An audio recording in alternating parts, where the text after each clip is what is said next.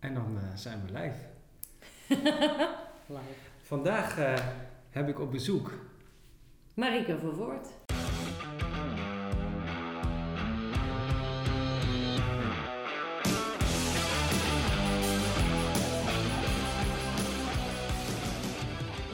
Marike Vervoort. We gaan vandaag een podcast opnemen. En eh, wij kennen elkaar via LinkedIn. En dat kostte nog best wel veel moeite om met jou eh, een connectie te maken, Marike.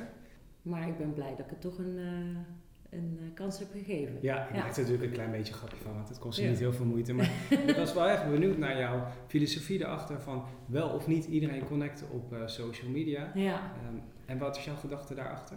Eh, mijn gedachte was eerst altijd, dat, dat doe ik alleen met de mensen die ik al eerder ontmoet heb. Waarvan ik weet, nou ja, wat voor vlees heb ik in de kuip? Wie eh, voeg ik bij mijn netwerk? Ja. En ik merk nu steeds vaker dat eh, mensen ook graag eh, bijvoorbeeld willen volgen wat je te melden hebt. Ja, en dan eh, ja, is het wel fijn als je op een uitnodiging ingaat. Ja. Hè, want dan is het eigenlijk je netwerk wel vergroten, maar ook mensen die daar heel bewust voor kiezen om met jou te connecten. Want ik zie dat jij inderdaad heel erg actief bent op social media. En je geeft al, nou mensen willen me gaan volgen. Maar wat deel je dan zo op social media? Nou, waar ik eigenlijk op uit ben, is ehm, het aanzetten tot nadenken. Dus ik, je ziet bij mij heel vaak een vraag terugkomen. En daar zit natuurlijk een gedachte achter.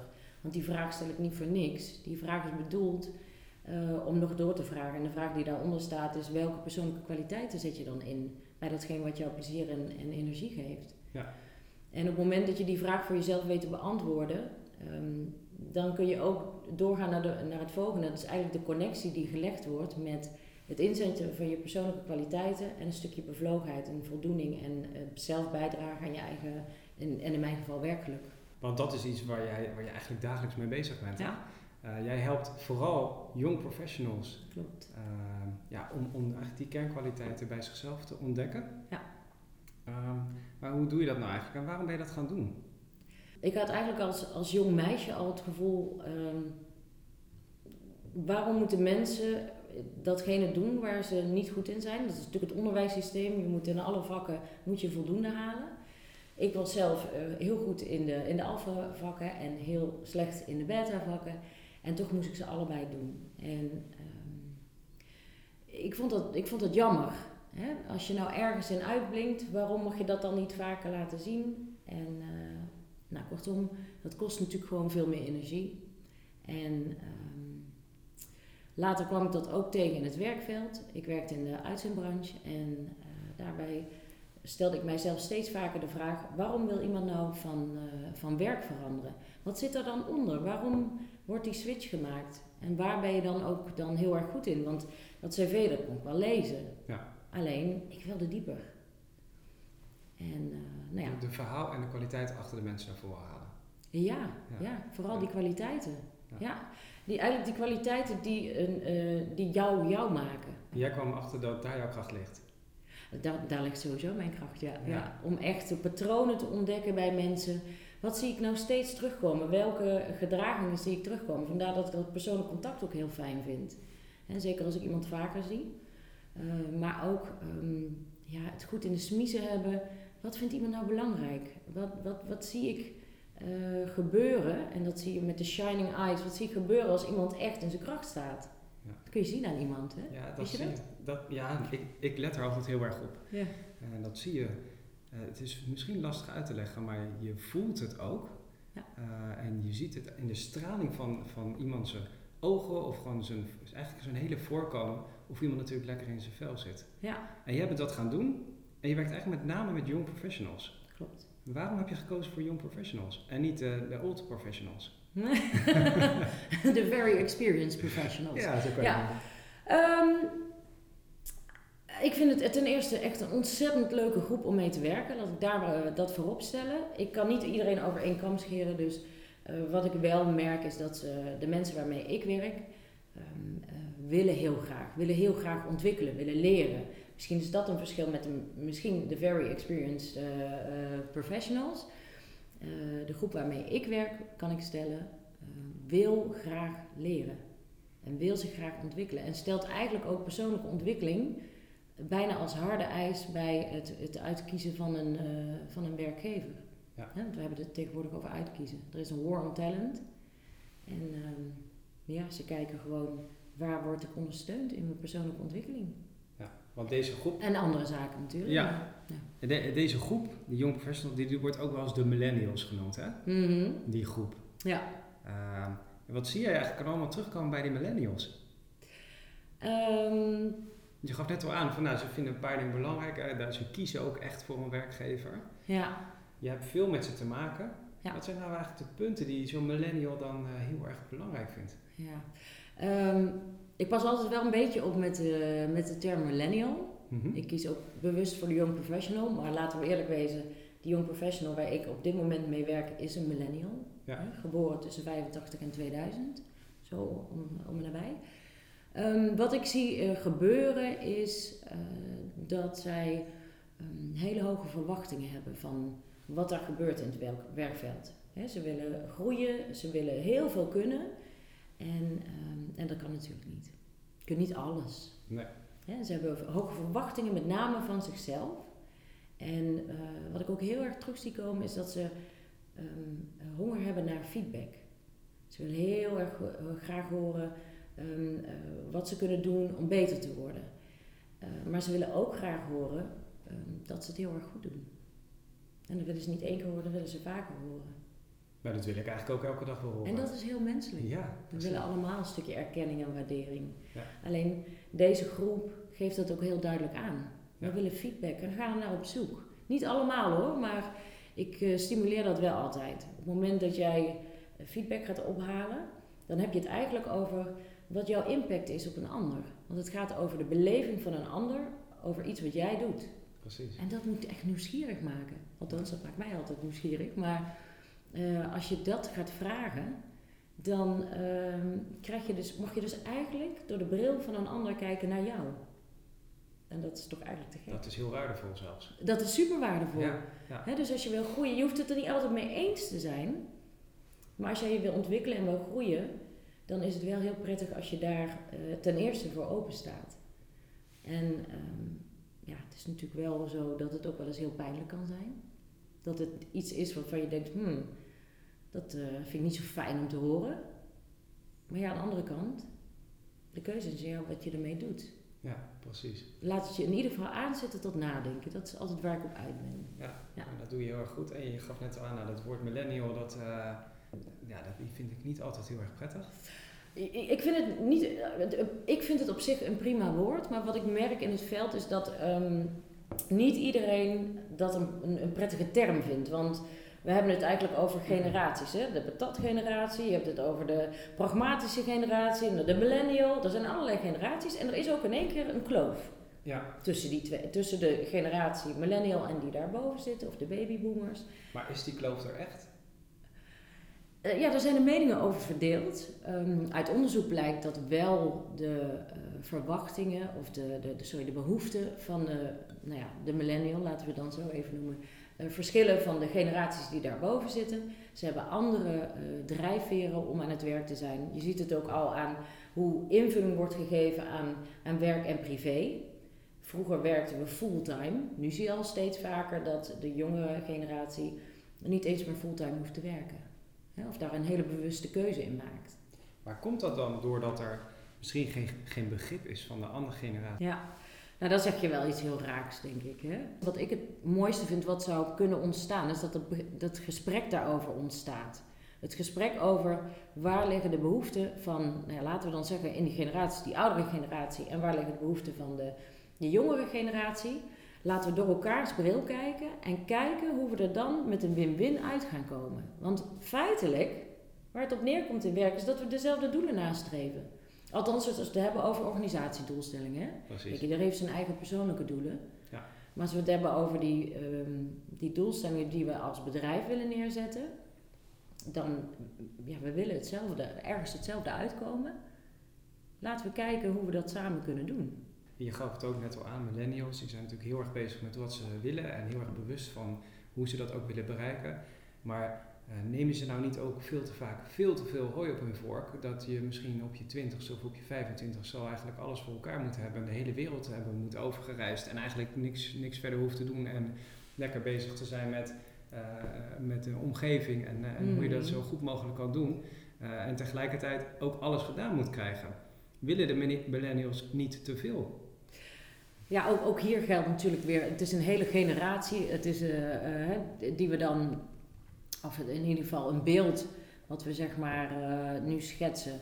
Waarbij we zeggen, nou dan scheren we iedereen over één kam. Dat is natuurlijk niet bij iedereen zo. Ik overdrijf natuurlijk een klein beetje. Maar ehm, wat wel waar is, dat er enorm veel vergeleken wordt. Kijk, de social media speelt daar een hele belangrijke rol in. We zien, al- zien allemaal wat de ander heeft. Mhm. Enorm vergrootglas. En eh, dan zijn het niet de lelijke dingen die we zien, maar het zijn vooral de gave dingen en de, ja, de dingen waar, waar ze van aangaan. En dat wil ik ook. Hè, maar ehm, ja, zijn dat hele realistische verwachtingen die je dan hebt? Ik denk het niet. Sterker nog, je hebt het even over social media.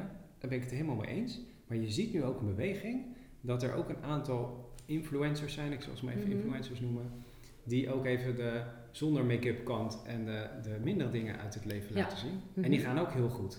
Dat is zeker zo, ja. Dat is ja. mooi hè? Ja, ja, dat is heel tof. Een Ja. mooie ontwikkeling. Ja. ja. En wij, wij, ehm, eh, wij werken natuurlijk heel veel met ambassadeurs binnen organisaties. En dan, eh, met social media en zichtbaarheid zijn of zichtbaar zijn. Eh, en dan komen we er vaak ook achter dat de oudere generatie denkt dat alle mille- millennials zomaar op social media zitten. Ehm, Mhm. nou, wij krijgen terug dat dat ook niet eens in alle gevallen zo is. Hoe, eh, hoe, eh, ja, jij werkt natuurlijk ook met heel veel Mhm. millennials. Hoe ervaar jij dat eigenlijk? Of hoe zie jij dat onder jouw young professionals die je begeleidt? Zitten die inderdaad op social media? Hebben die daar struggles mee?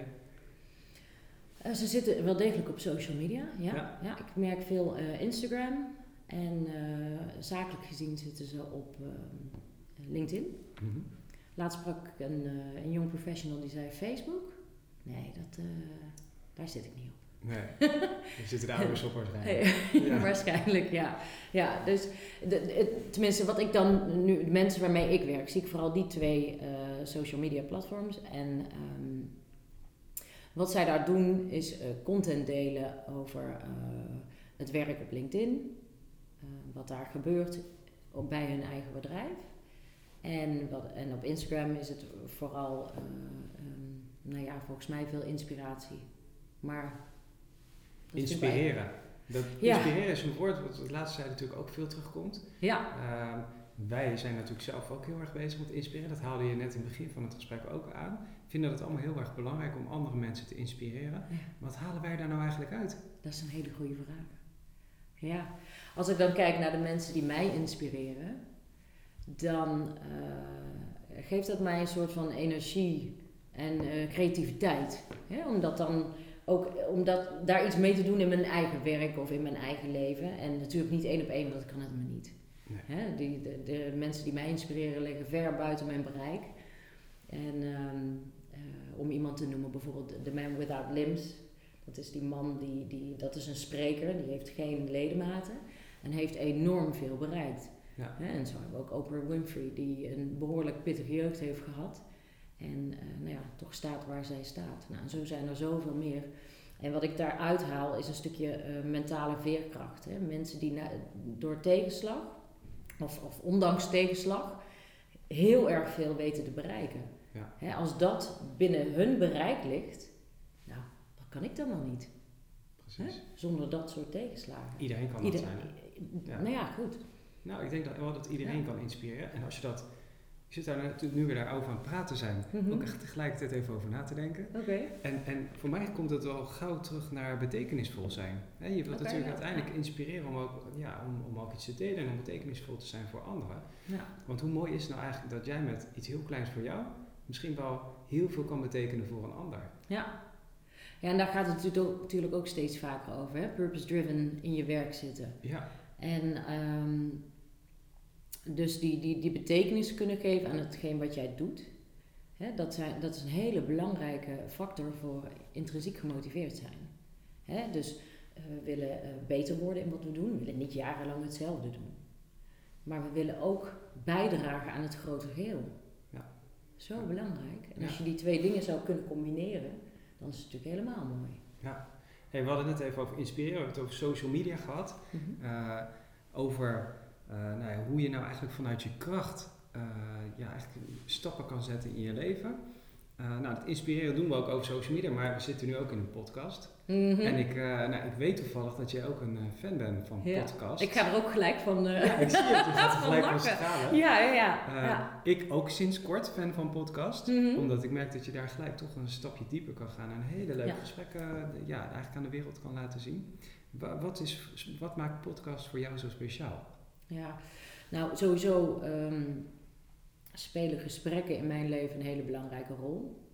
Dat is eigenlijk de brandstof voor mij, gesprekken voeren. En vooral het luisteren, wat ik natuurlijk eh, in mijn werk heel veel doe.